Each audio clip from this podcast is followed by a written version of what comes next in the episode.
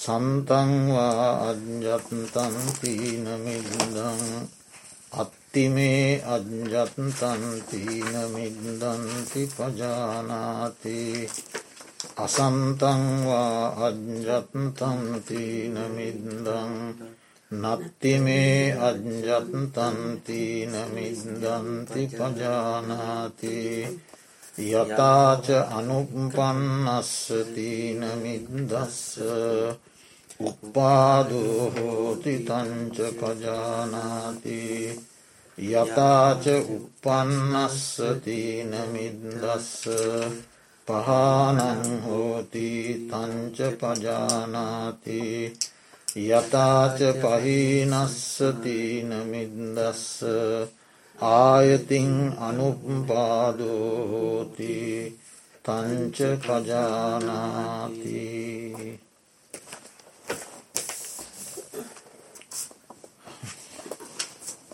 මහා සතිපට්ඨාන සූත්‍ර දේශනාවේ දම්මානු පස්සනා කියන කොටසට අයත්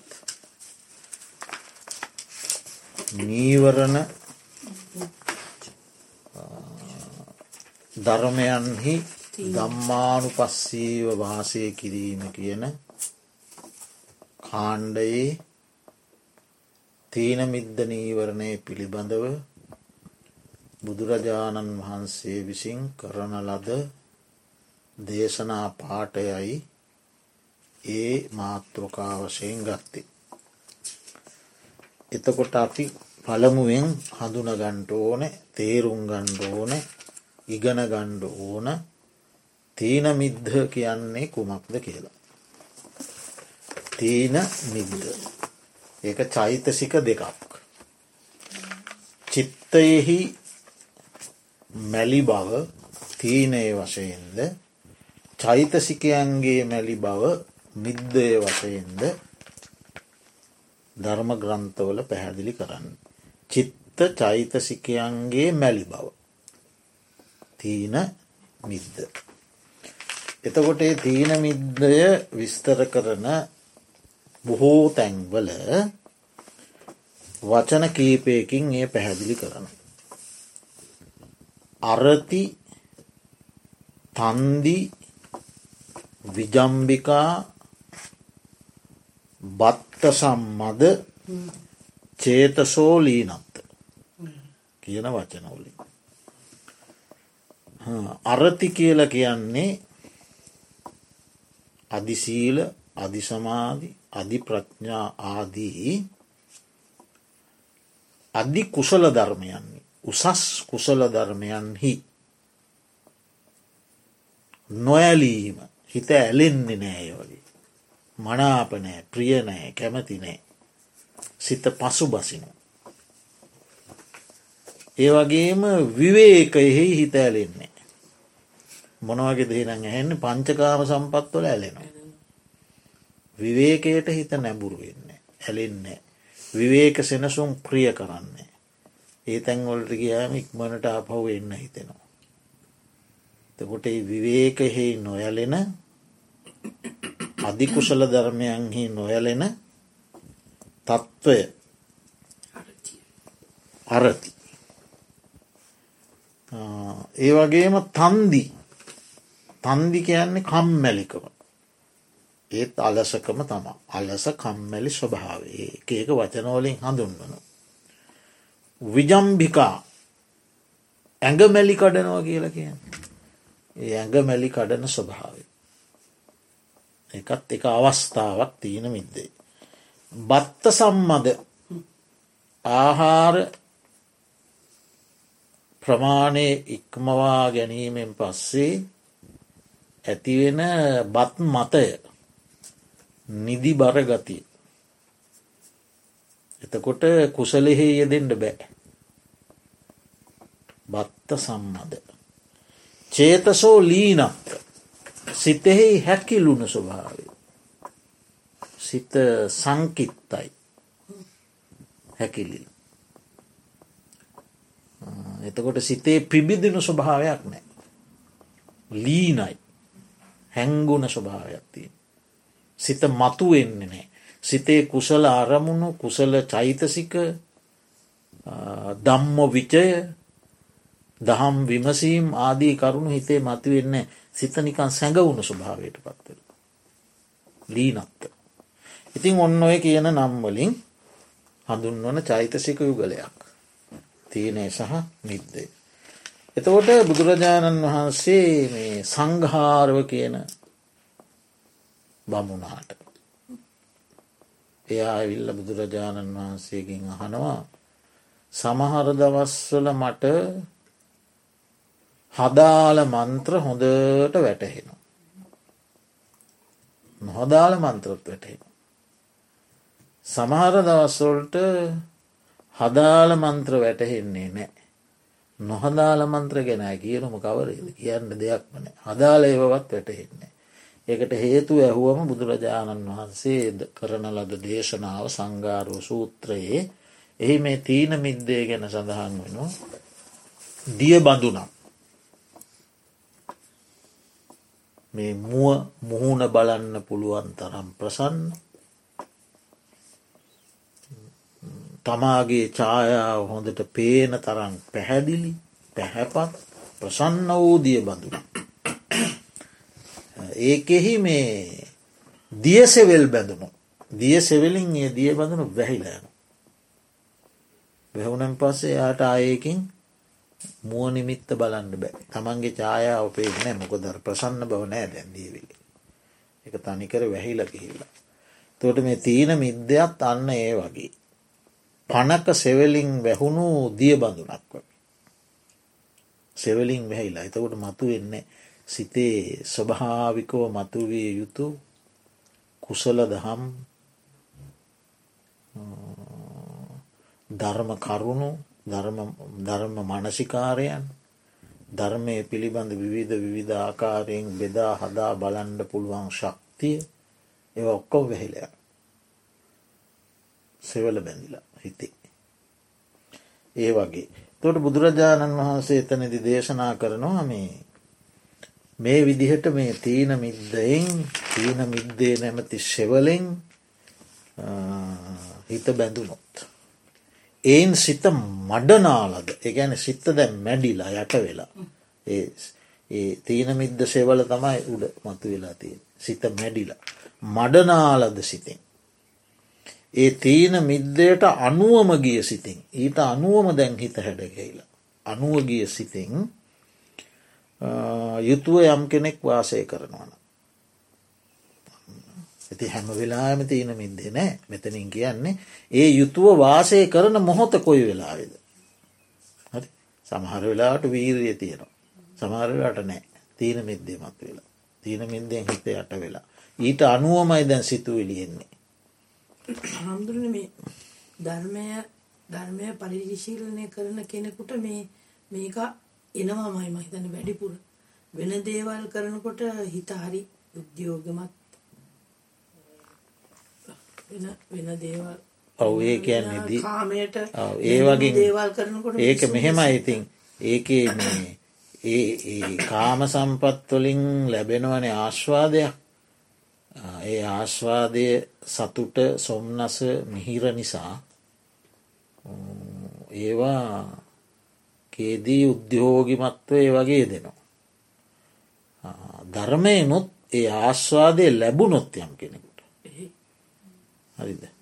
ඒ ආස්වාදය ඒ සුවය යම් කෙනෙකුට ලැබුණොත් එයා එක උනන්දුවෙන් දෙනවා. ලැබුණ කෙනා. හරිද එත නොලැබුණ කෙනාට තමයි ඒ ආයාසයෙන් කරන්න වෙන. ක්‍රමාණුකූලව වැඩ කරගෙන යනකොට ඒක ලැබෙනවා. ඒ ලැබුණහම එයා අයිට පස්සේ තීන මිද්ද බොහෝ දුරට බැඩලාගෙන යන්න පුළුවන්. නමුත් එනවා. නමුත් තියෙන මිද්දේ යම් යම් අවස්ථාවල නොයනවා නොවේ. භාවනායෝගීන්ට උනත් එනවා. මොකක් දාන්ටිගෙන බෝජ්ජංග වන්නකොට හාමුදුරන තුළ තීන මිදය එතොට වීර බඩි කරගන්න ඕන. ඔවු. තීන මිද්දයට ප්‍රතිපක්ෂෝ වීරිය එතකොට දැන් ඔන්න යම් මොහොතක භාවනායෝගියකුටුනත් එනවා යම් මොහොතක තීන මිද්දේ මත් වෙලා තීන මිද්දයෙන් මඩනාලද ඊට අනුවගිය සිතෙන් වාසය කරනවා නම් ඒ මොහොතේ එයාට ආත්මාර්ථය පේන්නේ. තමන්ගේ අර්ථය වැහිලය. පරාර්ථය පේන්නෙත් නෑ. උභයාර්ථයම පේන්නේ. ආත්මාර්ථ පරාර්ථ දෙකම පේන්නෙත් නෑ. එතකොට බමුණ මන්ත්‍ර වැටහෙන්නෙත් නෑ.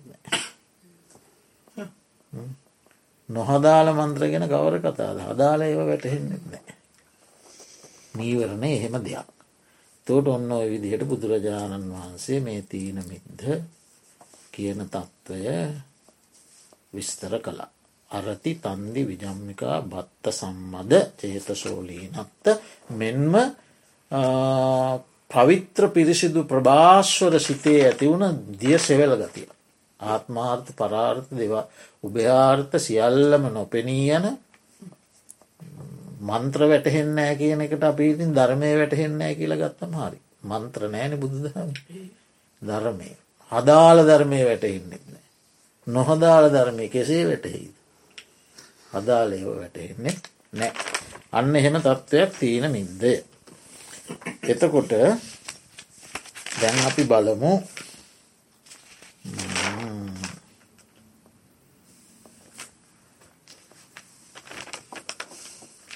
මේ සති මහා සතිපට්ඨාන සූත්‍රයේදී බුදුරජාණන් වහන්සේ දේශනා කරන්නේ කුමක්ද.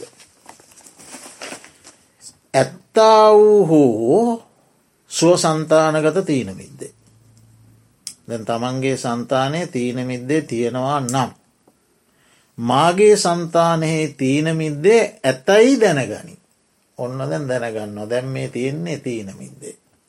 හරි දැන් ඔන්න මගේ සිත අධිකුසලේ ඇලෙන්නේ නෑ. විවේකේ ඇලෙන්නේ නෑ. කම්මැලී එතකොට ඇඟමැලි කඩන ස්වභාවයට ඇවිල්ලා. ඔන්න දැම් බතෙන් මතයේ උපදිලා. එතකොට දැම් මගේ සිත හැකිලිලා. දැම් මගේ හිතේ පාසි බැඳිලා. කියලා ඔන්න දැනගන්නවා. ස්වසන්තානයේ තීනමිද්ද ඇත්නම් ඇතැයි දනි. තම සන්තානෙහි නැත්තා වහෝ තීනමිද්දය මාගේ සන්තානයේ තීනමිද්දේ නැතැයි දැනගන්න. නැත්නම් නැතැයි දැනගන්න. යම්සේම නූපන් තීනමිද්‍යයාගේ ඉපැදීම වෙද්ද එයත් දන්න.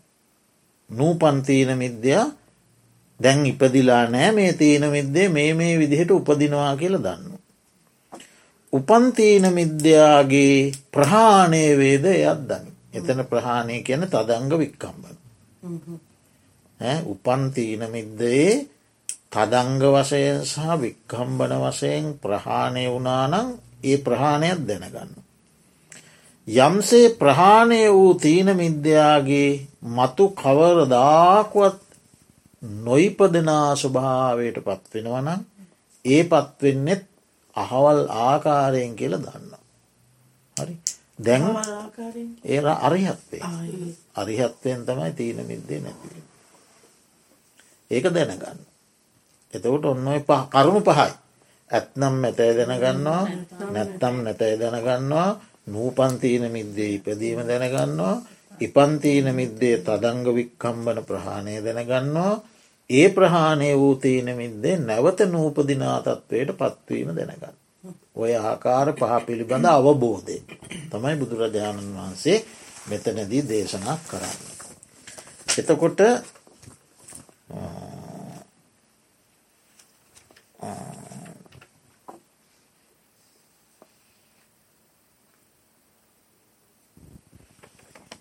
ඇත්ත තීනමිද ඇත්ත කියන එක දැනගන්නේ සිහියෙන්නේ සිහිය නැත්නම් එක දැනගන්න බෑ සිහියෙන් තමයි මතු කරලා දෙන්නේ දැන් මේ තිබෙන්නේ තීනමිද්ද ස්වභාවය කියන එක සිහියෙන් මතු කරලා දෙනවා. එතකොට ඒ තීනමිද්ද ස්වභාවේ නොයෙක් නොෙක් ආකාරයෙන් විමර්ශනය කරනවා ප්‍රඥාවේ. ඒ තීනමිද්දේ දුරුකිරීම සඳහා අරමුණට සිත ඔසවා තබනවා වීරී. හරි අරමුණ විමසනවා ප්‍රඥාවෙන්. අරමුණ මතු කරලා දෙනවා සිහියෙන්. අරමුණේ සිත ඔසවා තබනවා වීරී. ගමන්ගන්නා මාර්ගයේ මේ තීනමිද්දේ දුරුකිරීමේ ඒකායන මාර්ගයයි කියන විශ්වාශයත හවුරු කරනවා සද්ධාවෙන්. සෙලවෙන්න ඇතුට සද්ධාවෙන් මේක දැනගන්න ස්තිරයි හරි. එතකොට ඔය විදිහට එක එක එක එක චෛතසික ධර්මයන් තුළින් මේ තියෙන මිද්දය හඳුනාගෙන. පළවෙන් කරන්න ඕන හඳුනා ගැනීම ඇත තියෙනවා හඳුනාගන්න. ඒ හඳුනාගත්තහම ඉතිං භාවනායෝගී ස්වාමීන් වහන්සේලා උපදෙස් දෙනවා එක මෙනෙහි කරන්න කියලා. තීන මිද්‍යයක් තීන මිද්‍යයක් අලස බවක් අලස බවක් අලස බවක් කියල මෙනෙහි කිරීම. එතකොට ඒක අනිත්‍යාදී වශයෙන් බලන්ඩ කියලත් කියනවා. ඒ කියන්නේ මේ තීන මිද්දය කියන්නේ ඔය අභිධර්ම කරමය හැටියට සසංකාරික සිත්වල. සසංකාරික සිත් පහක් තියෙනවා අභිධර්මය. තමන්ගේ උත්සාහෙන් ඕනෑකමින් නෙමේ කුසලේය දෙන්නේ අන්න අය කියන නිසා අන්න අයගේ මෙහේවීමෙන් අන්න අය තරහවෙයි අන්න අය මඟ පෙන්වන් නිසා එක ඒ දෙනවා. එවට ගෙන සසංකාරිකසේ. ඒ සසංකාරික සිත්තුල තම ඒ දෙන්නේ. තමන්ගේ වුවමනාවෙන් එදෙන අසංකාරික සිත් කොල දෙන්නේ. සසංකාරික. එතකොට ඒ සසංකාරික සිත් පහේ යෙදෙන මේ තීන මිද්දයත්. මේ තීන මිද්දයසා සමග එක්කො යෙදුන අනිත් චෛතසික ධර්මත්. ඒ සිත සහ චෛතසික ධර්මයන් පැවැත්වීමට උපකාරවන්නා වූ මේ රූපයක් හර්දය රූපය ඇතුළු කොට ඇති මේ පටව්‍යාපෝතේජෝවායෝ සතර මහාධාතුන්ගෙන් අටගත් රූපයක්. එතකොට තීන මිද්‍යත් ඒ සමගේ දෙන අනිච්චෛතසිකත් ඒවා හටගන්ට උපකාර වෙනම රූපයත් මේ සියල්ලම අනිත්‍යයයි දුක්කයි අනාත්ම ඒවා ඉතින් තව ගුඩක් එහා කෙරෙන ඒවා. ති එහෙමත් බලන්න කියනවා. අනිත්‍යාදී වශයෙන් එක විග්‍රහ කරලා බලන්න. ඊළඟට එක මෙනෙහි කරන්න. ඒ වගේ ක්‍රම. ඊට පස්සේ නැත. නැත කියන එක නං ඉතින් කිසි ප්‍රශ්නයක් නෑ නෑ තියෙන මිද්දේ නෑ අමුතුවෙන් ඒකත් ඉතින් ඔන්න අනිත්‍යාදී වසයෙන් බලන්න පුළුව මේ තීන මිද්දේ නැති සිතත් එකන් අර සසංකාරික සිත්තුලින් අන්‍ය වූ සිත්තුවලන තීන මිද්දේ නැත්තේ. දැන් විදර්ශනා කරන්න ෑනි ලෝකෝත්තර සිත් ලෞකික සිත්ත ලොක්කොම සිත් අසූනමයෙන් අභිධර්ම ක්‍රමය හැටියට අටක් ලෝකෝත්තර සිත්න. එතකොට ඉතිරි තියෙන්නේ අසුව එකයි. ඒ වගේ සසංකාරික සිත් හැර ඉතිරි සිත්වල ඉතිරි සිත් තීනමිද්ද නොය දෙන සිත්. එතවට තීනමිද්ද තීනමිද්දය නොයදෙන සිත් සහ ඒ නොයදෙන සිත්වල යෙදෙන චෛතසික. ඒව ඔක්කොම සහ ඒ සිත් හට ගැනීමට උපකාර වෙන මේ රූප ධර්ම මෙව ඔක්කොම එච්චර ගැබූරෙන් හිතන්ඩ ඕන්න තීනමිද්දේ නැති මේ සිතත්. තීනමිද්දේ නැති මේ සිතත් මේ සිත පහළවීමට උපකාර වන මේ රූප ධර්මයක්. ඒ සිතේ දෙන අන්‍ය වූ චෛතසිකත් ඒවත් ඔක්කම අනිත්‍යයි. දුක්කයි අනාත්ම ආදී වසයෙන් බලන්ඩ කියලත් ගුරුවරු ගන්නනවා තීන මිද්දේ සහිත සිතත් අනිත්‍යාදී වසයෙන් බලන්ඩ තියෙන මිද්දෙන් තොර සිතත් අනිත්‍යාදී වසයෙන් බලන්ඩ ඒවා තව මේ ඉගෙන ගන්නවා විතරයි. ඒවා බොහෝ එහාදී ඒක කෙරෙන්නේ ඒ ධර්ම මාර්ගය ඉදිරියට යනකොට එන අවස්ථාව. ඊළඟට නූපන්තීන මිද්දී ඉපදී. ඊළඟ අවස්ථාවයකන එක ඇත දෙක නැත තුන නූපන්තීන මිද්දේ ඉපදී. නූපන්තීන මිද්දේ ඉපදීමට හේතුව තමා අර මුලින් අපි කිව්වේ අරති තන්දි විජම්බිකා බත්ත සම්මද චේතසෝලීනත්. ඒ අවස්ථා පහ. ඒ අවස්ථාවන්හිදී අයෝනිසෝ මනසිකාරය. ඒක හරියට නුවනින් තෝරා බේරාගෙන නුවන යොදවන්නේ නෑකට. හඳුනාගන්නේ නෑ එයින් මිදෙන්ට උත්සාහ කරන්නේ ඒකටම යට වෙලා අයෝනිසෝ මනසිකාරයත් එක යෙදෙනවා. යෝනිසෝ මනසිකාරයන අරති තන්දි විජම්පිකාදී ඒ ලක්ෂණ හටගත්තම ඒ ලක්ෂණයන් තුළ යෝනි සෝමනසිකාරය නෑ අයෝනි සෝමනසිකාරය බහුලෝ පවත්තු. මෙහෙන් එනකොටම ඇඳට යන්න අයෝනි සෝමනසිකාරය ඇඳට යොමු කරවන. එනතා අයෝනි සෝමනසිකාරයෙන් අනි දැම්බේ පස්සෙ කරනවා. කියලා හිත් ඇති කරවනවා. හරි එතෝට අන්නේ අයෝනිසෝ මනසිකාරය. අර කරුණු පහේ යෙදෙනවනං ඒ තීන මිද්දේ උපදින්ට ප්‍රබලම කාරණය ප්‍රබලම කාරණය අයෝනිසෝ මනසිකාරය ගැන හොඳටම සිහිය තබාගන්නපු. ඒක ප්‍රධානයි. ඒක තමයි ඉපදින ආකාරය නූපන් තීනමිද්දේ ඉපදී. අපි කියමු ආහාර හොඳට ගත්තා. බත්තස් බත්ත සම්මදය ආව. දැන් එතුට තීන මිද්දයන්. එතවට ඒක යෝනිසෝ මනසිකාරයෙන් බලන්නේ නෑ. මේක බත්ත සම්මදයක් මේකින් නින්දට වැටෙන්ඩ පුළුවන් ඒ නිසා මම එලි මහනකට යන්න ඕන. එහෙම නැත්තම් මම ටිකක් සක්මං කරන්න ඕන. කියලා යෝනිසෝ මනසිකාරයෙන් සිතන්නේ නැතිව අයෝනිසෝ මනසිකාරයෙන් ඒ තීන මිද්දයට යටවුනොත් මා හස්ති රාජයෙක් වගේ එනවා කියල බන පොතේ කියන්න. මා හස්ති රාජයෙක් ඇවිල්ල සියල්ලම පොඩි කරගෙන යනවාගේ තීන විද්ද ඇවිල්ල ඔක්කොම යට කරගෙන යනවා. එහෙම තමයි. අන්න ඒ විදිහට තමයි නූපන්තීන මිද්දේ උපදින්නේ. ඊළඟ කාරණය උපන්තීන මිද්දයේ තදංග වික්කම්බන ප්‍රහාණ. ඒකට තම් ගොඩාක් උපකාරක ධර්ම තියෙනවා. එකක් දෙකක් එහෙම නොවේ. ගොඩක්ම තියෙනවා. එකක් තමා යෝනිසෝ මනසිකාරය. එය නුවනින් සිහිය යොදලා සිහියයි නුවනයි යොදලා ඒ දේ විමර්ශනය කරනවා. මෙනෙහි කරනවා. සොයා බලනවා. විමසනවා. ඒකට මතු වනත් වැඩෙන්න දෙන්නේ නෑ. පවතින්ට දෙන්නේ නෑ. එය මැඩලන්නට උත්සාහවන්ත වෙනවා. යෝනිසෝ මනසිකාරය ප්‍රධානයි. ඒකක්.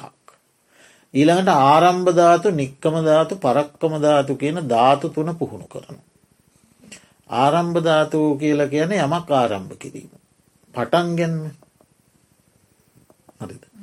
ප්‍රතිවිරුද්ධ කරුණු ඉවත් කිරීම සඳහා ආරම්භයක් අවශ්‍යයි. ප්‍රතිවිරුද්ධ කරුණු කියන් දැන් කුසලයට ප්‍රතිවිරුද්ධ අකුසලේ නේද අකුසලේ ප්‍රතිවිරුද්ධයි. එතකොට ප්‍රතිවිරුද්ධ වූ අකුසලය මෙහෙන් බලයක් යොදන්ට ඔන්න ඉවත් කරන්න. දැම් මගේ කුසල්සිත මැඩගෙන අකුසල්සිත් මතුවෙනවා නම් ඒ අකුසල්සිත් ඉබේ යන්නේන. ඒ අකුසල බලය මැඩලන්නට මෙහෙන් ප්‍රබල බලයක් යොදන්න ඕන. ප්‍රතිවිරෝධයක් යොදන්ට ඕන. එතකොට ආරම්භධාතු කියල කියන්නේ එවැනි ප්‍රතිවිරුද්ධ ධර්ම මැඩලීම සඳහා ය ආරම්භ කරනවා පටන් ගන්න ආරම්භධාතු පටන් ගන්න. කාමච්චන්දේ නං ඒක ඒ ඒකනං මතුවෙලා එන්නේ ඒක දැන් මගේ කුසල් සිතට ප්‍රතිවිරුද්ධ කාමච්චන්දේ මතුවෙන. කාමච්චන්දේ මැඩලන්ඩ බෑ නිකං හෝමිදලා. ඒක මැඩලන්න මං ආරම්භධාතුවක් කරන්න ඕන් අසුභය හරි වෙන නිමිත්තකින් හෝ ආරම්භධාතුවක් ඇති කරන්න. ව්‍යාපාදය මගේ කුසල් සිත මැඩලාගෙන එනවන ඒ ව්‍යාපාදය නැති කරන්න මම මෛත්‍රියාදී කුසල ආරම්මන ධාතුවක් පටන් ගන්න. ඒවගේ තමයි තීන මිද්දයට ආරම්භ ධාතුවක්. ඒ වීර්ී එක අවස්ථාව ආරම්භ ධාතුව කිය. එතකොට ආරම්භ ධාතු. ඊළඟට නික්කම ධාතු ආරම්භධාතු විතරක් ප්‍රමාණවත් නෑ. සමහරට අරඹන ලඩ එතන අරඹන වැඩ එතනම දිරාපත්වෙනවා. එතනින් එහාට හිත යෙදෙව්වේ නැත්නං අරම්භන වැඩ එතනම දිරාපත්තෙන්ට පුළුව භාවනා කරන්න පටන් ගන්න. ආරම්භ ධාතුව හොඳයි. හැබැයි ඒ හොඳ වූ ආරම්භ ධාතුව ඉදිරියට පවත්වාගෙනයන්ට නොදී මෙහෙන් ප්‍රතිවරුද්ධ ධර්ම මතුවෙනවා. භාවනා කිරීම අදහස තියෙනවා හොඳයි පටන් ගැන්මත් හොඳ. හැබැ මෙහින් මතුවෙනවා ප්‍රතිවිරුද්ධ ධර්ම. ඒවා මැඩලන්න ශක්තියක් නැතිකම නිසා ආරම්භයන එක ඇන හිටලයම. කී දෙනෙකුට එහෙම වෙනවා. ඇන හිටිනවා. ඒ නිසා අවශ්‍යයි නික්කම ධාතුවක්. ආරම්භ කරන ලද දෙය වෙනසෙන්න්නට වැටෙන්න්නට නොදී. ඒක ඉදිරියට පවත්වාගෙන යෑම සඳහා නික්මීමක් අවශ්‍යයි. ආරම්භ කලා නික්මුණා. එකට යෙදුණා. යෙදුණ දිගින් දිගට ඒකට යෙදෙනවා. එට ගෙන නික්කමධාතු. ඊළඟට පරක්කමධාතු. ආරම්භධාතු නික්කමධාතු පරක්කමධාතු. පරක්කමධාතු කියල කියන්නේ බලවත් වූ වීරයක්. බලාපොරොත්තු පලය ඉටු වෙන තෙක්ම. මේ පලේ ඉටු වෙන තෙක් මම සෑහීමකට පත්නොය.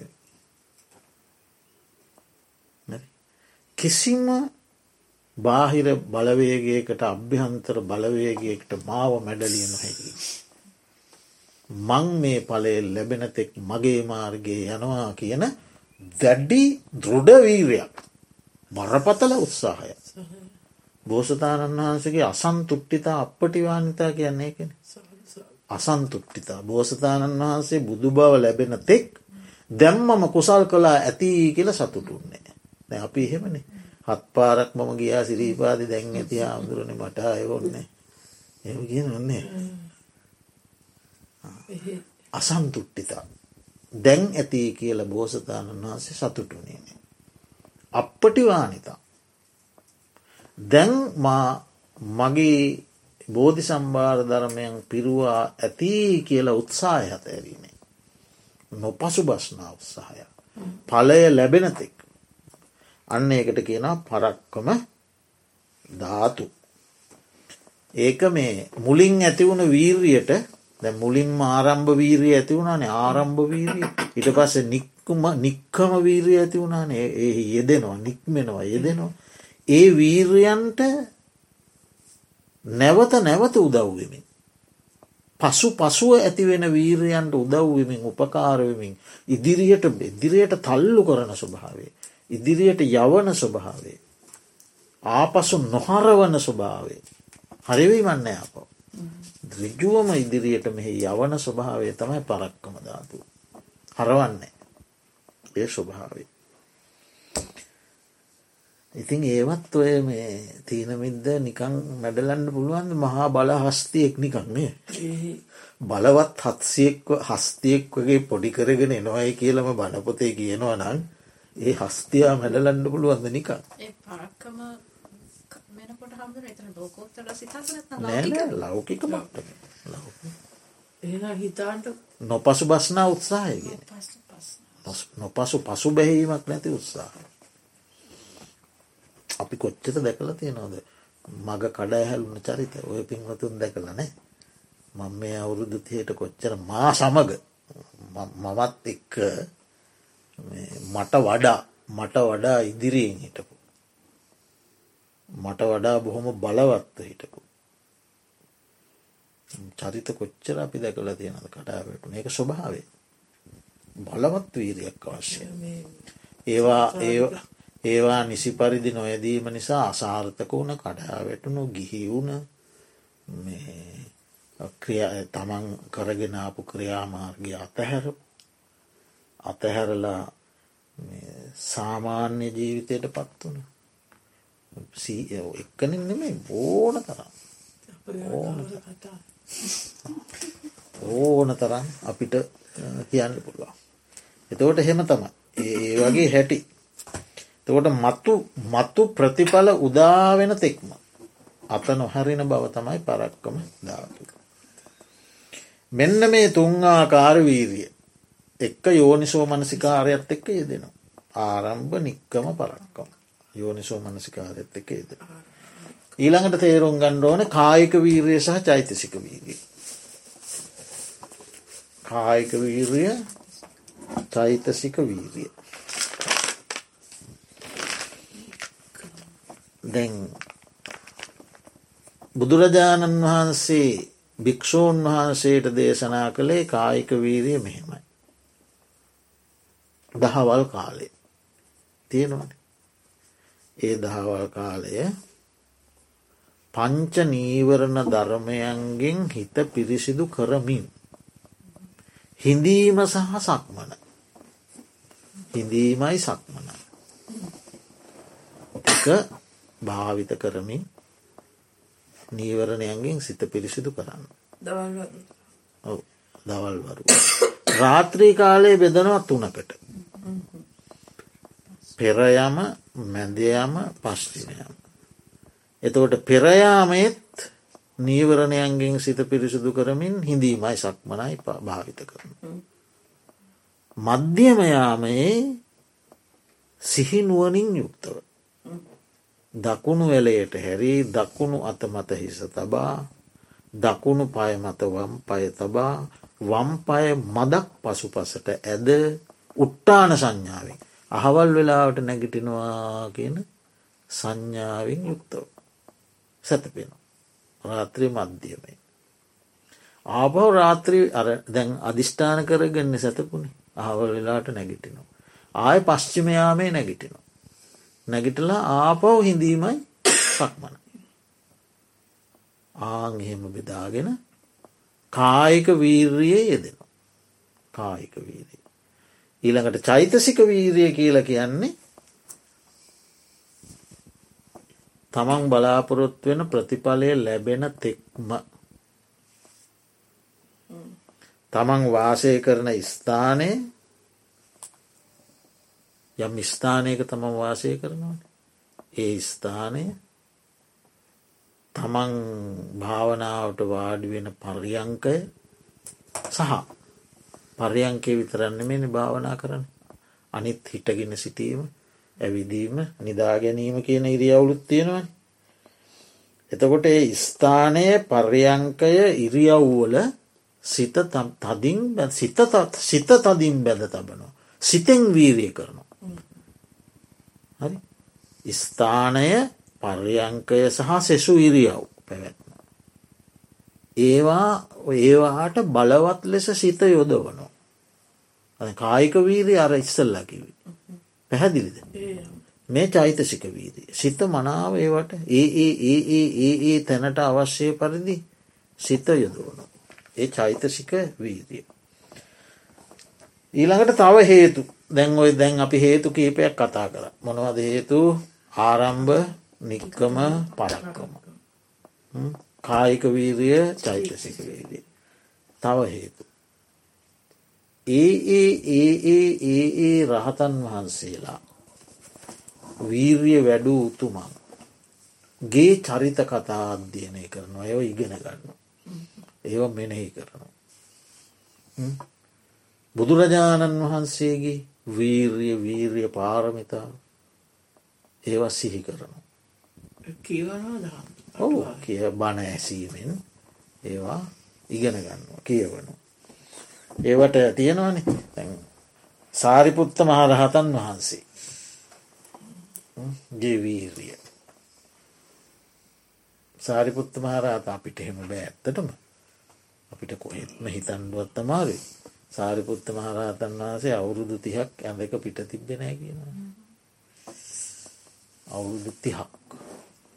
අට්ට කතාවල දැක්වෙන මහා මොග්ගල්ලාන මහරහතන් වහන්සේ අවුරුදු තිහක්.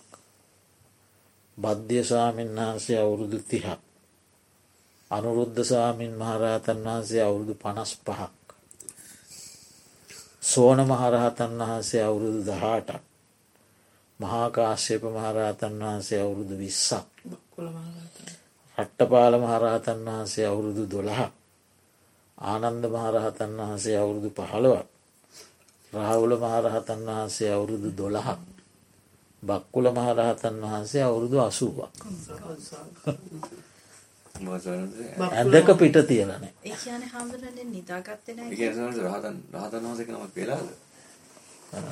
රහත්තෙන්ට ඉස්සර.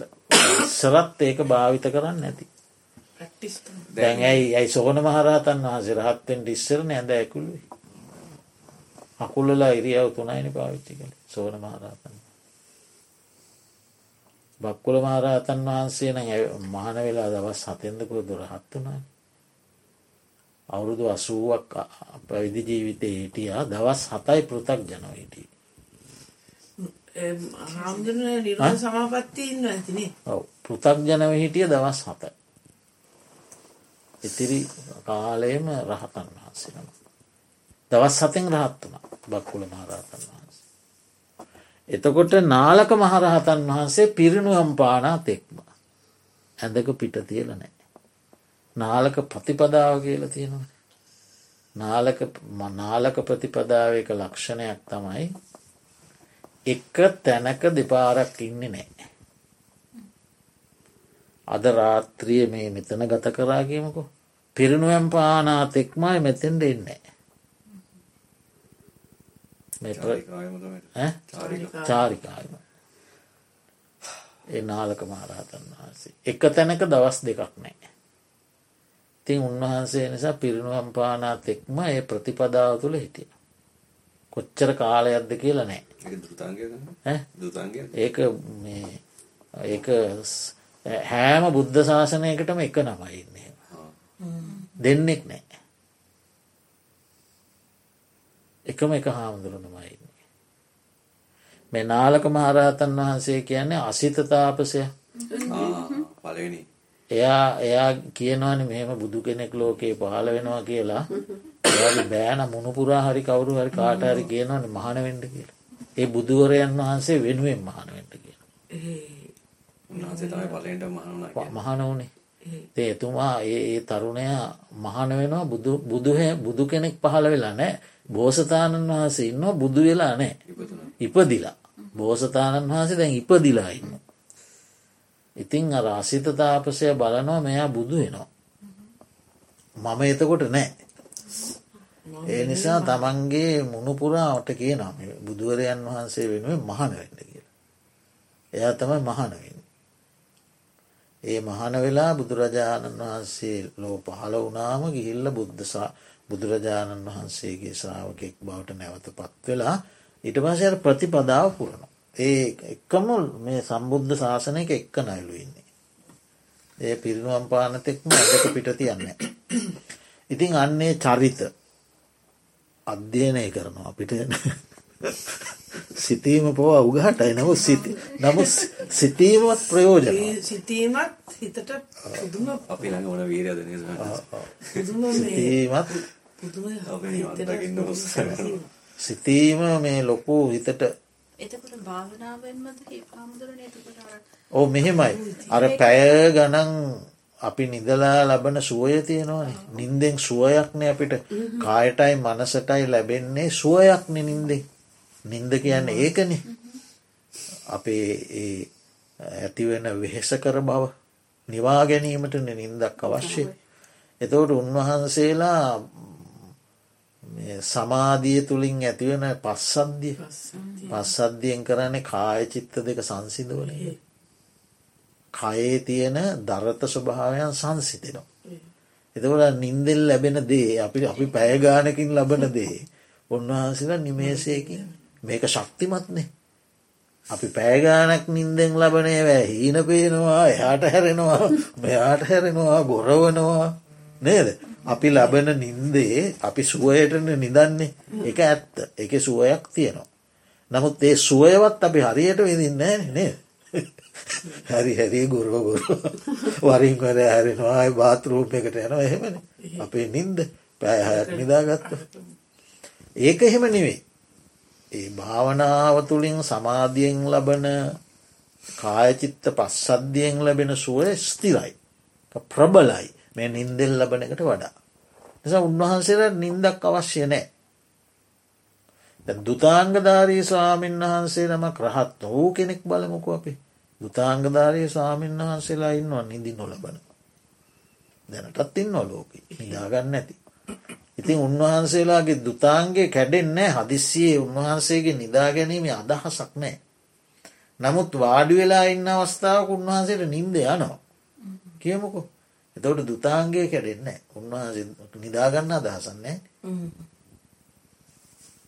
වාඩිවී ඉන්න අවස්ථාවක අදිසේ නිදිබරක් ඇවිල්ල නින්දගයාට එතැන්දී ඒ එහෙම අදහසකින් චේතනාවකින් තොරෝ වෙන දෙයක්කේ. නමුත් උන්වහන්සේක දිගට රැඳී ඉන්න. ඉතින් ඔය විදිහට තියෙනවා අන්නේ චරිත කතා පිළිබඳ ඒවා හිතන්න කියනවා. ඊළඟට තව තියෙනවා හේතු. අතිභෝජන නිමිත්තක් ගහය. අතිභෝජනයේ නිමිත්තක් ගහාය එකන් අතිභෝජනයේ නිමිත්තක් ගහාය. අධික භෝජනය නිමිත්ත ගන්න කියනවා. ඒ ඇන භෝජනය පමණ දැනගන්න කිය. ආහාර ගැනීමේදී යැපෙන පමණට ගන්න. ඒක දැන් දොස්තර මහත්තුරුත් කියනවා. බුදු හාමුදුරු ඉස්සරකිව දැන් දොස්තර මහත්තුරු කියනවා. මොකක්ද කියන දොස්තර මහත්තුරු. බඩගින්න නිවෙන්ඩ කන්න කියනවා. නේද. බඩ පිරෙන්න්න නෙමේ බඩගින්න නිවෙන්න කන්න. බුදුරජාණන් වහන්සේ දේශනා කරන භෝජනය පමණ දැනගන්න. එතවට තීන මිද්දෙන්ට තියෙන ඉඩ කඩාඩුයි. එතකොට ඉරියාපත සම්පරිවත්ත න තාච ඉරියාපත සම්පරිවත්තත තාච එකන්නේ නුවනින් යුක්තව ඉරියව් මාරු කරන්න කියන. වාඩිවී සිටීමේ ඉරියව්වේදී තීන මිද්දේනවා කියමුකු. එතවට තීන මිද්දේ මැඩලන්ට උත්සාහත් කරනවා. උත්සාහයත් අපි අතහරින් නැතුව කරනවා. නමුත් ඒ උත්සාහය යටකරගෙන තීන මිද්දේ ප්‍රබලව එනවා. එම අවස්ථා අත්දැකල ඇතින. ඒ ඒ ඒ කොච්චර උත්සාහ කළත් තීන මිද්දේ ප්‍රබලව එනවා. එතකොට නුවනින් යුක්තව ඉරියව් මාරු කරන්න. නුවනින් යුක්තව කියන්න මම ඉරියව්ව මාරු කරනවය කියන එක හිතනු. ඊට පස ඉරියව් මාරු කිරීමේදී පාදේ ඉදිරියට දික් කරන්න ඕන ඒ ඉදිරියට දික් කිරීමත් සිහියෙන් කරනවා. අනිත් පාදේ ඉදිරියට දික් කිරීමත් සිහියෙන් කරනවා. කය ඉදිරියට නැබුරු කිරීමත් සිහියෙන් කරනවා. අත බිමත බණ්ඩ අවශ්‍ය නං ඒ බිමත බීමත් සිහියෙන් කරනවා. කය ඉහලට එසවනවනං එයත් සිහියෙන් කරනවා. හරි පාදවලින් වීරිය ගන්නවනං එයත් සිහියෙන් කරනවා. හිට ගන්න එකත් සිහියෙන් කරනවා. අන්න ඒ විදියට සිහිනුවනින් යුක්තව ඒ හැම ක්‍රියාවකටම සිහිය යොදලා ඉරියව් මාරු කරන්නකි. ඒකත් එක ක්‍රමය. ආලෝක සංඥා මනසිකාරය. ආලෝක සංඥා. ඒ කියන්නේ දහවල් කාලේ නම් හිරු එලිය ආලෝක සංඥාව රාත්‍රී කාලේ නම් සඳ එලිය පහන් ආලෝකය. ගිනිසුලකින් ලැබෙන එලිය ආදී ආලෝකයක් මෙනෙහි කරනවා. තමාගේ ආලෝකයක් තිබෙන තැනකට ගියත් කමක්න දැන් මෙතන මේ තියෙන ආලෝකයක්. රාත්‍රී කාලයන මේ විදුලි ආලෝක ඒ කාල තිබෙන පහන්න ආලෝකය. විදුලි ආලෝකය. එමනැත්ත එලිමහන්ට ගිහිල්ල සඳ එලිය එමනැත්තම් පහනකින් ලැබෙන ආලෝකය. ඒ ඒ සංඥාව හිතට අරගෙන ඒ සංඥාවේ හිත පිටවන කසින භාවනාවන්න ඔව ඒ තීන මිද්දේ මැඩලන්න තියෙන උපක්‍රමය හිත හිතා ඉන්න නෙමේ ඒ සංඥාව හිතට ගන්නවා.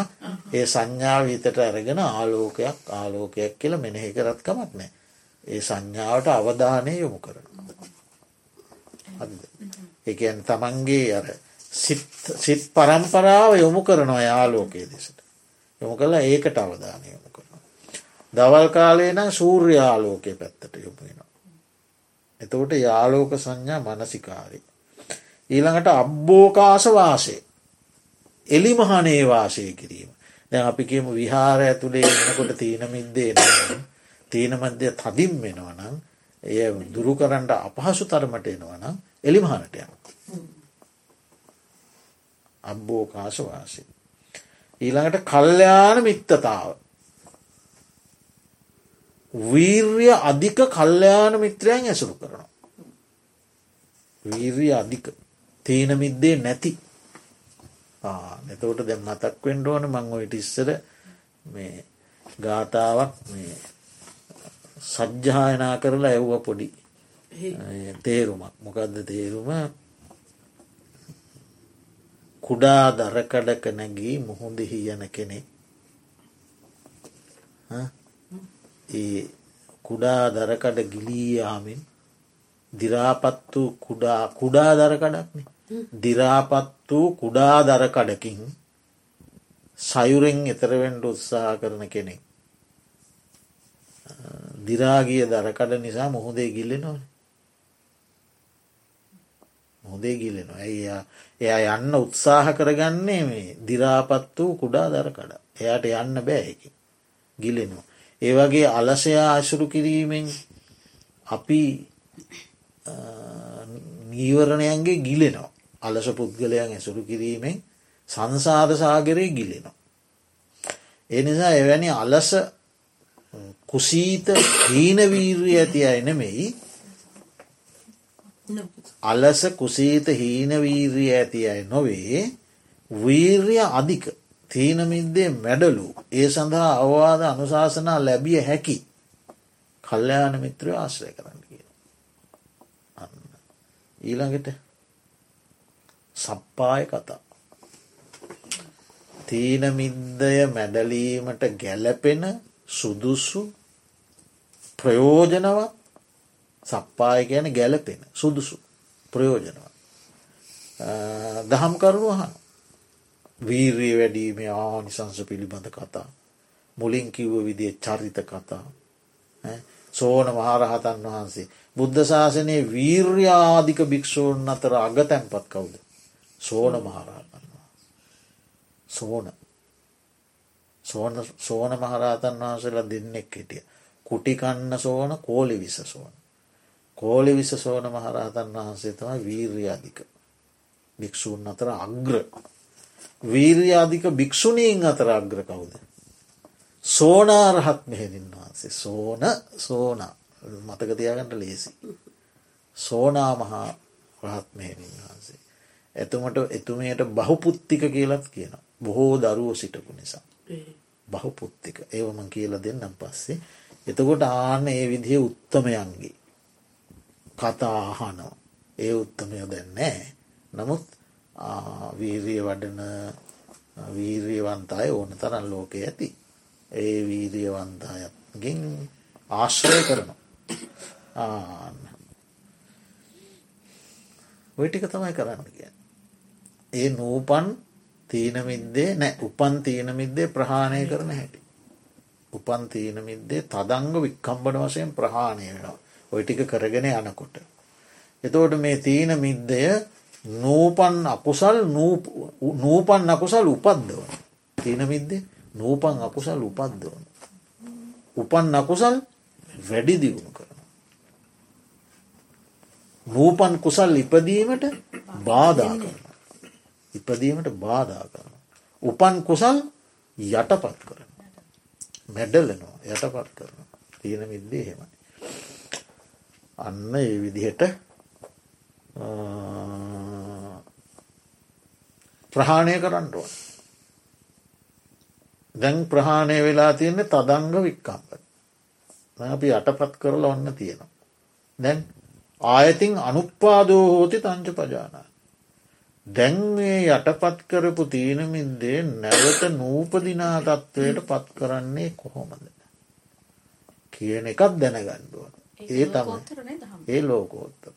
ඒ තදංග වික්කම්බ නොක්කොම ලෞකික ධ්‍යානමට්ටන්නේ. ඒක නැවත නූපදිනා තත්ත්වයට පත් කරන්න කොහොමද විදර්ශනාව. අනිත්‍යයාදී අර මුලින්ම අපි කිව්වේ. ඒ සිත ඒ චෛතසික ඒ චෛතසික හා යෙදෙන අන්න චෛතසික ඒ සිත් සහ චෛතසිකයන් හට ගැනීමට මූලික වෙන මේ පටව්‍යාපෝතය ජෝධාතුූන්ගෙන් හටගත්ත මේ සහ පටව්‍යාපෝ තේජෝ වායෝ සහ ඒ නිසා පවතින මේ රූප ධර්ම එතවට මේ රූපයයි චිත්තයයි චෛතසිකයයි මේ සියල්ල අනිත්‍යාදී වශය මෙනය කල්ල විදර්ශනාඥාන උපදවාගෙන ඒ විදර්ශනාඥාන පිළිවෙලින් අරහත් මාර්ගඥානයෙන් මේ තියෙනමින්දේ නම් වූ හස්තියා මුළුමනින්ම උදුරලාමදාන ඉවත් කරලාදාන විදර්ශනා හස්තයෙන්. අනුසේ වශයෙන්ම උදුරලාදානු එකන් යටපත්වවත් අයි තියන්නේ. දැ මෙතෙක් තියෙන යටපත්තු. තදංග වික්කම්බනෝලින් කරන්න යටපත් කරලා තිය. යට ඉන්න තාම්. එතෝට විදර්ශනාවෙන් මේ අනුසේ වශයෙන් උදුරලදා. ඒවා තම.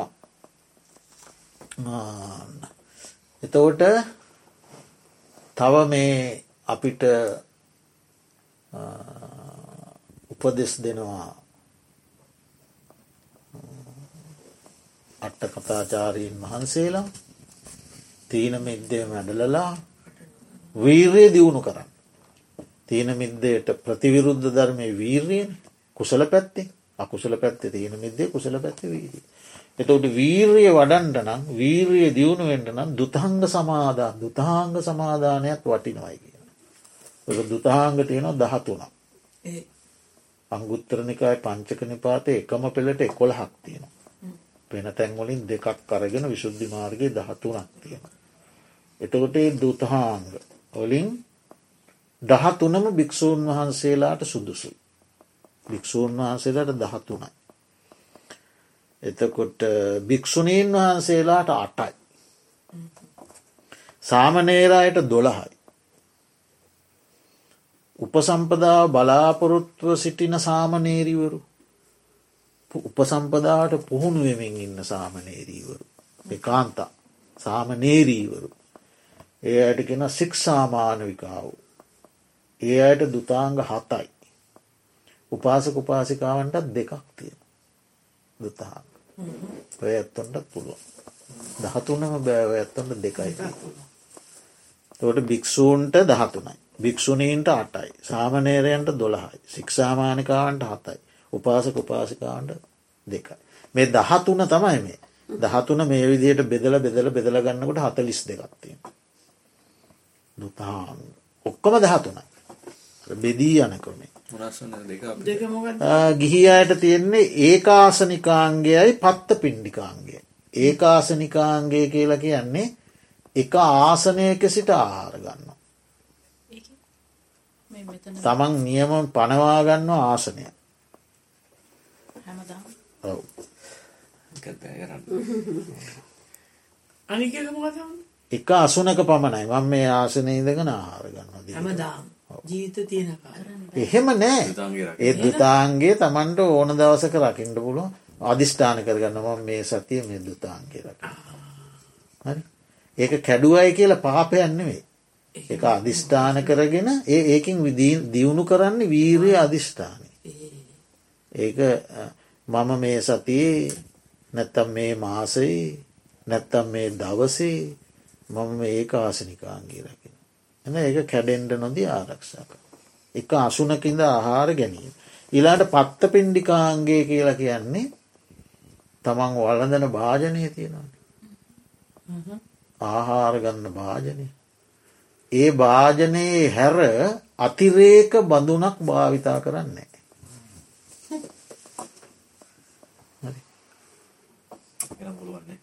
ආහාර ගන්න ඒ බඳුනේ. එතකොට කැවිලි පෙවිලි. කැවිලි පෙවිලි බඳනකුත් බෑය ගන්න. ඒ කැවිලි පෙවිලි ගන්නෙත් මේ බඳුනට බදාගෙන බර බොන එක පුළුවන්. ඒන්නේ බොන හැබැයි සමාර සාමීන් වහන්සේලා ඉන්න පාත්තරෙන්ම වලඳන නමුත් බොන එක බොන පැන් එක මේ වෙනම පාවිච්චි කරන්න පුළුවන් එක කිසි වරදක්නෑ. එතකොට ආහාර අනුභවේදී දැන් අපිකම කැදයි දැන් අපිට කැඳ භාජනයක් හම්බෙනවා. මසුත් හම්බෙන. කියමුකො තොට මසුයි කැඳයි එකට දැම්මම මහ ප්‍රියනෑන. ඒ නිසා ඒ මස් එක වෙනබ අනුභව කරලා කැඳ එකත් නැවත මේ භාජනයට දාගන්න. මේක මස් එක අනුභව කරලා මේ පිඟාන පැත්තකින් දීලා කැඳයක වෙනම ගණඩ බෑ. එක බඳුනයි.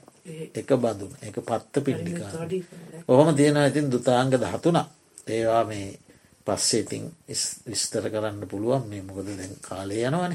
ඒ කලින් කියලත් දීල ඇති ටික ඒ දුතහාංග ආරක්ෂා කිරීමත් මේ වීරිය වැඩීමට එක හේතුවක් ලෙස දක්වන වීරිය වැඩීමට ඒක තියෙනවා ගොඩාක් කතා කරන්න දේවල් දුතාංග සම්බන්ධ ඒක වෙනමම මාතෘකාවක්. එක පුතාංග සමාදන් වෙන ක්‍රම එකට හේතු සමහරය එක එක එක එක උමතු බව නිසා දුතාංග සමාදන් වෙනවා. ලාභ කීර්ති ප්‍රසංසා බලාපොරොත්තුවෙන් දුතාංග සමාදන් වෙන හම නොෙක් ක්‍රම තියෙන ඒව පස්සෙ කතා කරමු. එතකොට දැන් ඉතින් අපි මේ පොඩි වේලාවක් කතා කරමු මේ වීර්ය පිළිබඳව තීන මිද්දයට ප්‍රතිපක්ෂ වීර්ය පිළිබඳව. කතා කරලා බුද්ධ දේශනා කීපයකට කෙටියෙන් අවධානය යොමු කරලා අද වැඩ සටහන් නිමා කරමු. බුදුරජාණන් වහන්සේ දේශනා කරනවා මේ නිවන කියලා කියන්නේ සරුව ග්‍රන්ථයන්ගෙන් නිදීම. ග්‍රන්ථ කියල කියන්නේ. මේකයයි ඊළඟ භවයකයයි ගැට ගහනවා. හරිද. මේකයින් මේ පටව්‍යාපෝ තේජවායෝ ගැනස මේ සිරුරොක්කොම දිරල පොළොවට පස්වෙන බව ඇත්ත. නමුත් අයි භවයක් තියෙනවන. එතෝට මේ භවයයි ඊළඟ භවයයි ගැටගහන. ගැටගහනේවට කියන ග්‍රන්ථ කියලා. ඒ ගැටේ ලිහන්ඩ බැරි වෙච්ච එක තමයි තාම මේ ප්‍රශ්න දන්නේ මෙතන නිවෙනකොට ආයර්හයට ගැටයක් වැටෙනවා ඒවට කියන ග්‍රන්ථ කියලා කාලි වචන ගන්ත හරිද ඒව තියෙනවා අභිජ්ජාකායගන්ධ ව්‍යාපාද කායගන්ත ඕම ග්‍රන්ථ හතරක් ඉද සච්චාභිනිවේශකායගන්ධ මේම සත්‍යයයි මම කියන දේමයි හරි. අනිත්තේ ඔක්කොම බොරු. හරි? එහෙමත් ඒකත් කායගන්තය අභිජ්ජා ගැන දැඩි ලෝබේ ව්‍යාපාද කියන්නේ සිත පිළිනුවන තරහ දවේශයේ වෛරය ක්‍රෝධය පලිගැනීම ආදී ස්වභාවයන්. ට අභිජ්ජා ව්‍යාපාද ඉද සච්චාභිනිවේශ ඕම කායගන්ත හතරත් තියෙන. ඒ සියෝලුම ග්‍රන්ථයන්ගින් මිදීම තමයි නිවන කියන්න. නිවන් අවබෝධ කිරීමේදී මේ ගැට ගැසීම් මොක්කොම් මිදිල. හරි මෙහෙයි එහි ගැටගසන ස්වභාව නෑ. ගැටේ ලිහිලා ගන්තයන්ගින් මිදීම. ඉතින් ඒ තරම් බරපතල කාරණයක් මේ ගැට ලියනවා කියන එක. ඒ ඒ තරම් බරපතල කාර්යයක් මේ පුංචි වීරයකින් කොරන්න බෑකිෙන. මද වීරියකින් ලිහිල් වීරියකින් ඒක කරන්න බැහැයි කියන. ඒකට ගැඹුරු වීරයක් ඕනෙන්. ඊළඟට බුදුරජාණන් වහන්සේ දේශනා කරනවා මහනිනි මම බෝසත් කාලයේදී මේ සමත් මසුත් සමත් නහරත් ඇටත් මේ සමත් නහරත් ඇටත් ඉතිරිවෙතොත් ඉතිරිවෙත්වා හරි? මස්ලේ වියලී ඇතොත් වියලී ඇත්වා ඕන දෙයක් වෙච්චාව වියලී ඇතුත් වියලී ඇත්වා පුරුෂ බලයෙන් පුරුෂ වීරියෙන් පුරුෂ පරාක්‍රමයෙන් යම් දෙයක් ලැබිය යුතුද? ඔන්න යම් දෙයක් ලැබිය යුතුද? කොමකින්ද ලබන්න පුළුව පුරුෂ බලයෙන් පුරුෂ වීර්රයෙන් පුරුෂ පරාක්‍රමය යම් දෙයක් ලැබිය යුතුද ඒදේ නොලබා මේ වීර්යේ නම් මන් නැවතීමක් කරන්නේ නැත මේ වීරී නැවැත්වක් නොයන්නේය කියලා පසු බැසීමක් නැතුව මම වීරිය කළා මතහරින් නෑ. පසු බැසීම නැතුව මම වීරිය කළා. ඒ අප්‍රමාද ප්‍රතිපදාවෙන්. ඒ පුරුෂ බලයෙන් ඒ පුරුෂ පරාක්‍රමය ඒ පුරුෂ වීර්යෙන් මම චතුරාරි සත්‍යය අවබෝධ කළ. සම්මා සම්බෝධයට පත් වුණ. සසරදුකින් නිදහස් වුණ. මානනි තොප විසිනුත් මෙසේ හික්මිය යුතුය. කෙසේද සමත් නහරත් ඇටත් ඉතිරිවෙතොත් ඉතිරිවෙත්වා මස්ලේ වියලී ඇතොත් වියලී ඇත්ත. පුරුෂ බලයෙන් පුරුෂ පරාක්‍රමයෙන් පුරුෂවීරයෙන් යම් දෙයක් ලැබිය යුතුද ඒ දේ නොලබා මම නං මේක අතහරින්නේ නැත. ඒ බුද්ධ දේශනාවක්. ඊළඟට කියනවා බුදුරජාණන් වහන්සේ මේ නෛර්යානික ශාසනය නෛර්යානික ශාසනය ගැන මේ ජීවිතයේදීම නිවන් අවබෝධ කර ගත හැකි ශාසනය. ඒ ශාසනයේ පිරිසිදුව ධර්මය දේශනා කරලා තියෙනවා. ඒක ස්වක්කාත දහම. සු අක්කාත මනාකොට දිසූ දහම. නෛර්යානික ශාසනය පිරිසිදුයි දහම් ස්වක්කාත. ඉතින් ඒ ස්වක්කාත ධර්මවිනය දෙක තිබියදී අලසවවාසය කිරීම දුකක්ලු. මේ නෛර්යානික ශාසනයේ අලසවවාසය කිරීම දුක. ඒක පාඩුවක්. එක අවාසියක්. හරි එතකොට මේ නෛර්යානික ස්වක්හාත ධර්මවිනය තුළ වීර්යෙන් වාසය කිරීම සැපයක්. ධර්මය පැහැදිලි නම් නිරවුල් නං පිරිසිදු නං මනාව දේශනා කරලා තියෙනවා නම් ඒකේ අලසෝවාසය කිරීම පාඩුව අවාසියක් දුක. වීර්යවන්තෝවාසය කිරීම යහපතක් සැපතක් හොඳක් උපකාරයක්. ඒ වගේම මහනිනි මේ ලෝකයේ තියෙන දුරක්කාත ධර්ම. නිවැරදිව දේශනා කරලා නැති ධර්ම. ඒව ස්වක්කාත නෑ. ඒවගේ නිවනකුත් නෑ. හරි ඒ වගින් ලැබිය හැකි අධ්‍යාත්මික ධ්‍යානාදියත් නෑ. ඉතින් එහෙම දුරක්කාත ධර්මයක නම් වීරිය වැඩීම දුකක්. වැඩන්නේ වීරිය වඩ ලබා ගණ්ඩ දෙයන්නේ පැහැදිලි එවැනි ධර්මයක වීරී වැඩීම දුකල්. එවැනි ධර්මයක කුසීතව ඉන්න එක මහ සැපයක්. හරි කුසීතුව ඉන්න එක සැපක් වීරී වැඩුවට වැඩන්නේ කියලත් බුදුරජාණන් වහන්සේ දේශනා කරන. ඊළඟට දේශනා කරනවා යම් කිසි කෙනෙක් කුසීතව හීන වීරියෙන් යුක්තව දුබ්බල වීරියෙන් යුක්තව අවුරුදු සීයක් ජීවත් වෙනවා නම්. ඒ ජීවත්වීමට වඩා යම් කිසි කෙනෙක් වීර්යෙන් යුක්තව එක දවහත් ජීවත්වෙනවන ඒ දවස හොඳයි කියලා. ඒ දවස වටිනවා කියලා. ඇයි එහෙම කියන්නේ. අර කුසි හීන වීර්යෙන් කුසීතව ඉන්න මිනි අවුරුදු සීය තුළම රැස් කරන්නේ අකුසන්න. හරිද. ප්‍රබල කුසලයක් රැස්වෙන්නේ. එතෝට වීරයෙන් යුක්තව මේ එක මනුෂ්‍යයෙක් දවසක් තුළ ඒ අපි කියමු උදේ පාන්දරාවදි වුණා වීරයෙන් යුක්තව සිත පිරිසිදු කරා නීවරණ මැඩලුවා බොජ්ජංග වැඩුවා කියලා.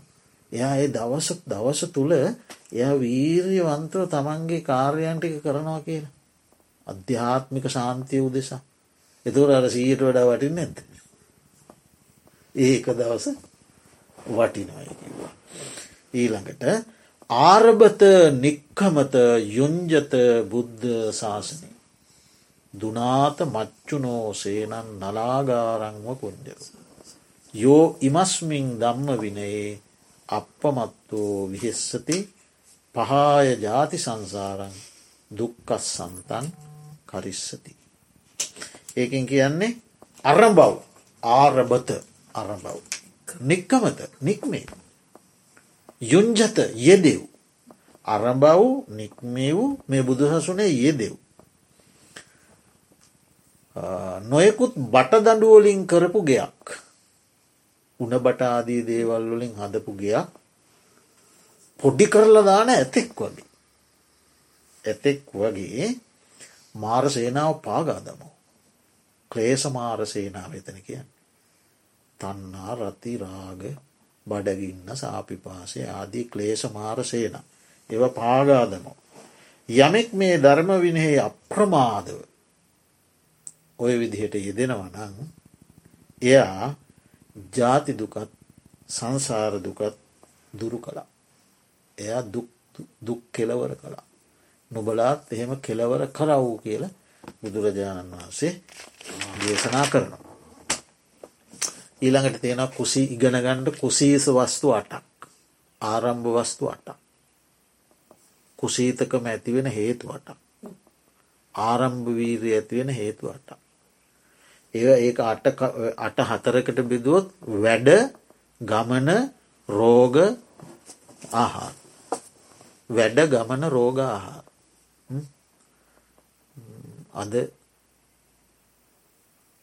භාවනා වැඩ සටහනට එන්න බෑ මොකද හෙට මේ යුෂ්ටන් යන්න තියෙනවා. ආන්න දැ හෙට වැඩක් තියෙනවා. නැ හෙට ගමනක් තියෙනවා. හරිද හෙට ගමනක් තියෙනවා. හෙට ගමනක් තියෙන නිසා අද වැඩේ අතහැරලදාන. ඔන්න කුසීත වස්තුවක්. හරි ඒව නැත්තං අද ගමනක් ගිහිල්ල ආවා. හෙට වැඩේ අතහරිනවා අද ආව විතරයි මහන්සි. හරිද දැන් ඔය දෙක අපිට වෙලා නැද්ද. අන්න ගමන ගමන බාධා කරන හැටි අපිට මේ කාටවත් මේ දෝෂයක් නෙමෙයි මේ ස්වභාවය. එතකොට ඔන්නහොම ගමනක් තියෙන නිසා වැඩේ අතහරිනවා ගමනක් ගිල්ල ආපු නිසා වැඩේ අතහරින. ඔන්න කුසීත වස්තු දෙකක්. හරි ඊළඟට හෙට අසවල්දේ කරන්න තියෙනවා. ඒ නිසා අද බෑ. හෙට කරන්න තියෙන වැඩ කටයුතුවල අධික බව නිසා අද අතහරිනවා. අද ඔය අධ්‍යාත්මික වැඩවලට එන්න බෑ හෙට කරන්න දේවල් තියෙනවා. ඔන්න අතහරිනවා.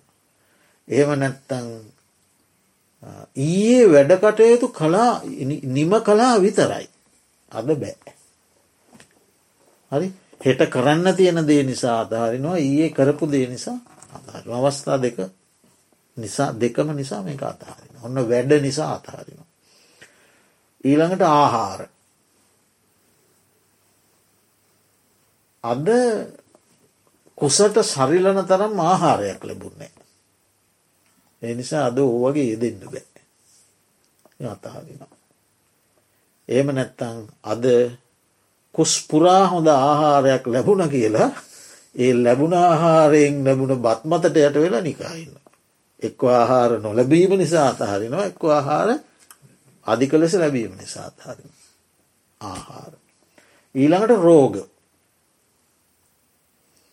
රෝගයක් හැදිලා යන්තම් මේ සුව වුණා විතර යන ඕව කරන්න බැහැ තවම වෛද්‍යවරයාගෙන් හරියට උපදෙසල් ලැබුණෙත් නෑ කියලා ඔන්න රෝගය නිසා අතහරිනවා. යන්තන් රෝගයක් තිබුණත් ඇති. ඒ යන්තන් තියෙන රෝගය නිසා යන්තමින් නිකං අදනම් බෑනිකන් සෙම්ම මාරුවගේ කිය අතහරිනවා. හරි ඒම නැත්නම් රෝගය සුව වුණා විතරයි කියලා අත්හරින. රෝගය හැදෙන්ට ආසන්න නිසා අතහරිනවා නැත්තන් රෝගය හැදිල සුවවුන් නිසා. ඒ අට්ටම කුසීත වස්තු.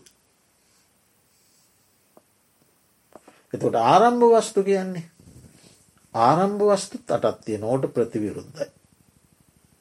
හෙටමට ගමනක් යන්න තියෙනවා. ඒ ගියාම මට මේ කුසල මාර්ගය සම්පූර්ණ කරගන්න ඉඩක් ලැබෙන්නේ. හරි අදාද මේ ටික කරලා ඉවර කරගන්න හෙට යන්න තියෙන. හරි එවනැත්තන් ගමනක් ගිල් ආවා ආවම කල්පනා කරනවා ඊයේ ගමන ගිය නිසා මට බුදුන් වෙන ගණඩ බැරි වුණා භාවනාව කර ගණඩ බැරි වුණා බොහෝ දේවල් මට මග හැරුණා අද මම ඊයේ දේවලුත් එක්කම උත්සාහවන්තව කරගන්නුවන්. අන්න ඒ ආරම්භ වීරිය මනුස්්‍යයා ඒ එකම ක්‍රියාව දෙන්නෙක් දෙවිදිහකට යොදා ගන්න හැකි. එක්කනෙක් ඒක කුසීස වස්තුවට යොදාගන්නවා එක්කනෙක් ආරම්භ වස්තුවට යොදාගන්න. කුසීස වස්තුවට යොදාගන්න කෙන සසරට යනවා ආරම්භ වස්තුවට යොදාගන්න කෙන නිවනට යනවා. හරි එතවට ඒ ගමන ඊළඟට වැඩත් එහෙමයි. ඒ බොහෝ වැඩකටයුතු නිසාමට ධර්ම මාර්ගය අතහැකුණා. දැන් ඒ වැඩෝලින් එකලාසයක් වුණ නිසා අද මේ ටික කරගණ්ඩුවන. අයි කොයි වෙලා මට ඔය වැඩ කරදර ඉදන්න ඊට ඉස්සල්ලා මේටික් කරගණ්ඩුවන්.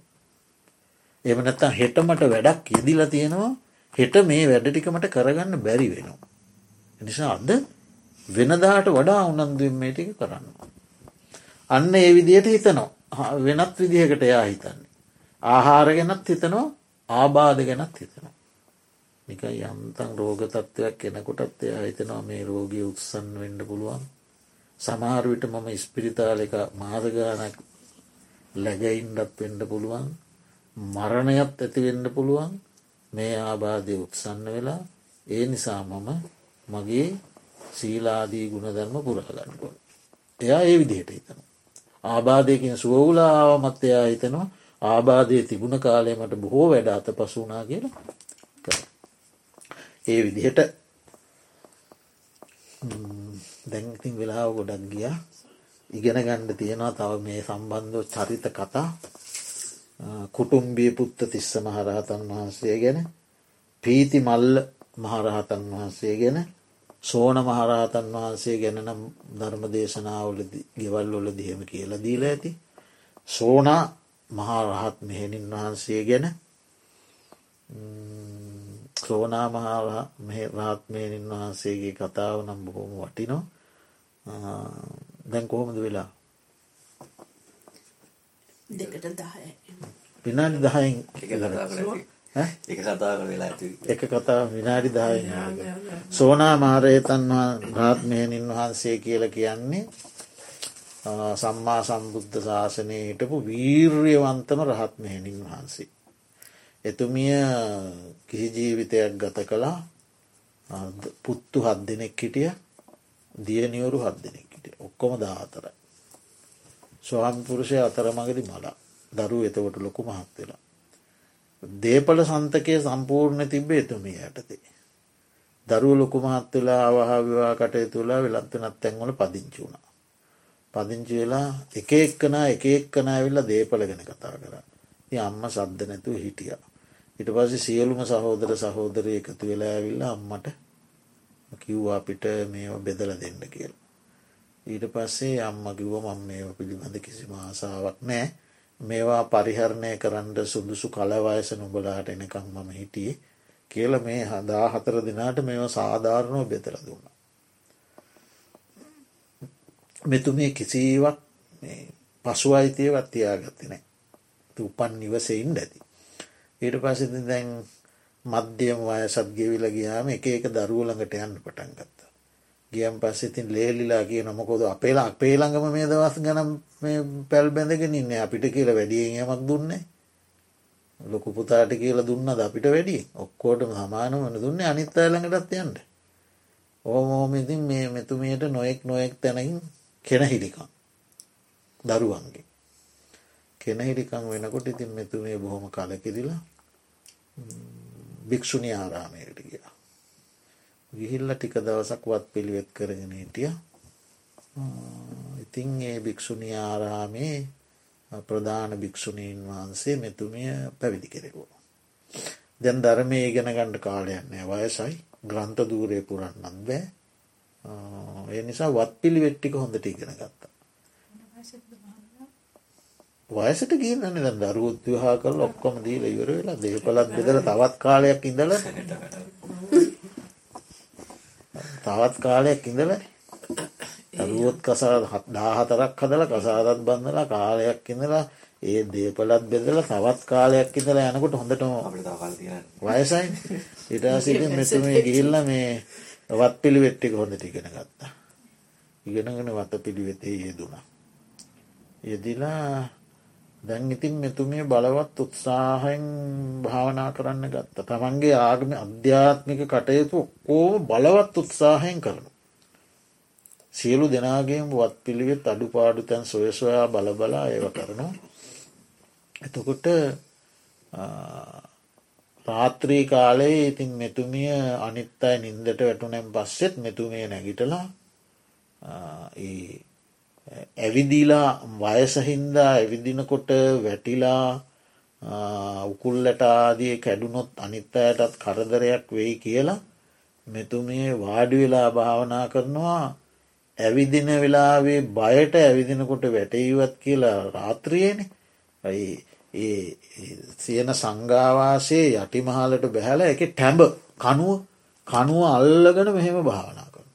කනුව අල්ලගෙන භාවනා කරන. එතෝට එලිමහනට බැහල භාවනා කරනකොට ඇවිදිනකොට වැටේ කියලා ගහක් අල්ලගෙන ඒ ඇන ගහක් වාරු කරගෙන භාවනා කරන. එතෝට මෑට බහුපුත්තික කියලත් කියන්න ගත්ත බොහෝ දරුව හිටපු නිසා ඉතින් මෙහෙම භාවනා කරන නිසා අනිත් භික්‍ෂුණීන් වහන්සේලා දැනගත්තා මේ බලවත් උත්සාහයෙන් භාවනා කරන බව. ඒ නිසා අරම්භන ලද වීර්ය ඇති භික්‍ෂුණයක් කියලා මෙයා මෙයා පිළිබඳව භික්‍ෂුණීන් අතර කතාවක් ඇති වුණ. මෙයා නම්මා පුදුම කෙනෙක් වයසට ගිහිල්ලත් වීදී අතහරින් නැතිව අරබන ලද වීරියෙන් කටයුතු කරනවා කියලා භික්‍ෂුණීන් අතර කතාවක් ඇති වුණ. ඉතින් එක් දවසක් බුදුරජාණන් වහන්සේ මෑගේ මේ ඉන්ද්‍රිය ධර්මයන් හොඳට මෝරා ඇති බව දැනගෙන බුදුරජාණන් වහන්සේ දේශනා කළා යෝචයේ වස්ස සතන් ජීවේ අපස්සං දම්ම මුත්තම.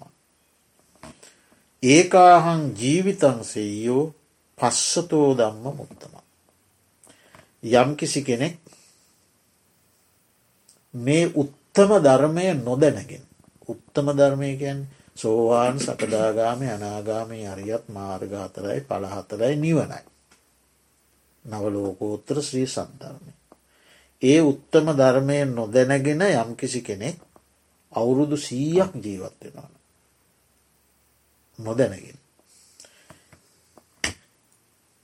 එයාට වඩා ඒ සීයක් ජීවත් වෙන කෙනාට වඩා මේ නව ලෝතුරා ශ්‍රී සද්ධර්මය නම් වූ උත්තම ධර්මය දැනගෙන එක දවසක් ජීවත් වෙන මනුස්්‍යයාගේ ජීවිතය උත්තමයි වටිනවා ශ්‍රේෂ්ඨයි අර සීයට වඩා කියල දේශනා කලාම තමනුත් මේ උත්තම ධර්ම මාර්ගය සොයන්ඩ නේද මේ මහන්සි වෙන්නේ කියන බලවත් ප්‍රීතිය ඒ තුළින් සමාධිය ප්‍රීතිය සුකය සමාධිය පස්සද්ධිය ආදී ධර්මතා වැඩිලා ගිහිල්ලා මේ සෝනා බහුපුත්තික තෙරණිය මෙහෙණින් වහන්සේ සෝවාන් ආදී මාර්ගඵල පිළිවෙලින් අමාමහා නිර්වාණය සාක්ෂාත් කළා. ඉතිං එතුමිය මේ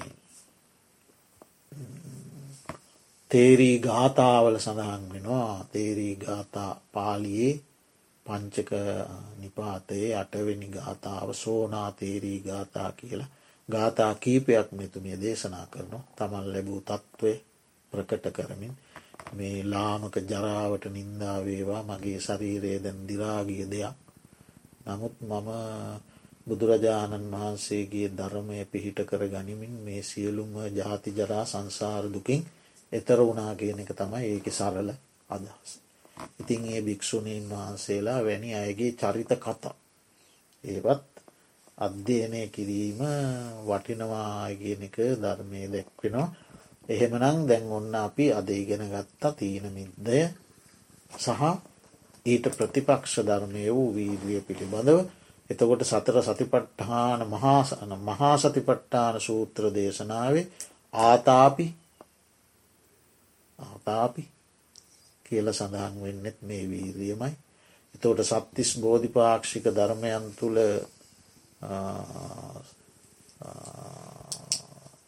මොකත් සතර සම්යක් ප්‍රධන් වීරිය. සතර සම්යක් ප්‍රධන් වීරිය. කියල දැක්වෙන්නෙත් මේ වීරිය එතන අවස්ථා හතරයි. එතොට ආතාපී කියන තැනත් එක් අවස්ථා පහයි. එතකොට සතර ඉද්ධිපාද දම්මෝල විරිය ඉද්ධිපාද. එතකොට ඒකත් එක්ක හයයි. ඊළඟට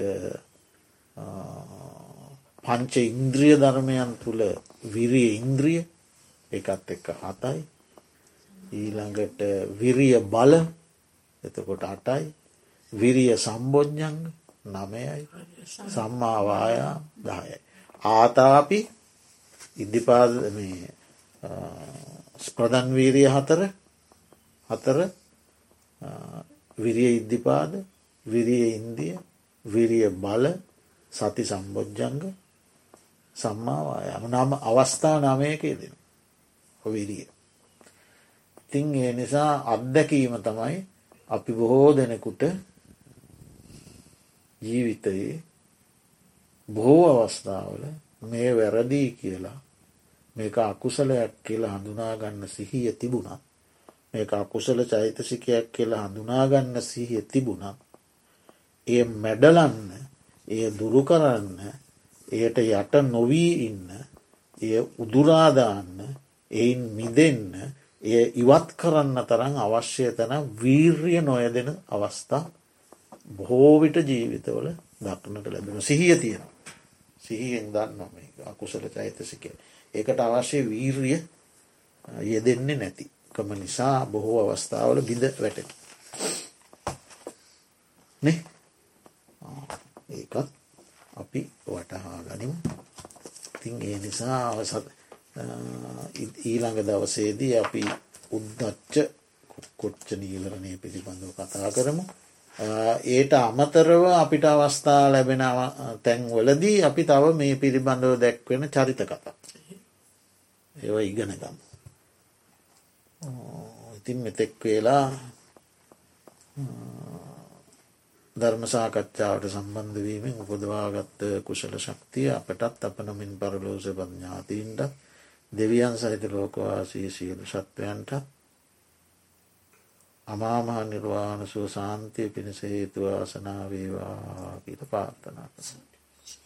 ආකා සට්හාජ බුම්මට්ටා දේවානාගා මහින්දිකා පුඥන්තන් අනුමෝදිත්වා චිරන්ඩක් කන්දු ශාසනං චිරන්ඩක් කන්දු දේශනං චිරන්ඩක් නන්තු මම් පරන්තිය ඉත්තාවතා චම්මයහි සම්පතම් පුුණ්්‍ය සම්පතන් සබ්බේ දේවානුමෝදන්තුව සම්බේ භූතානුමෝදන්තුව සම්බේ සත්තානුමෝදන්තුව සම්බ සම්බද්ධ සිද්ධියයි දම්මේ ඥාති නංහෝතු සුකිතාහන්ත ඥාතයෝ ඉදම්මේ ඥාති නංහෝතු සුකිතාහන්ත ඥාතයෝ ඉදම්මේ ඥාති නංහෝතු සුකිතාහන්ත ඥාතයෝ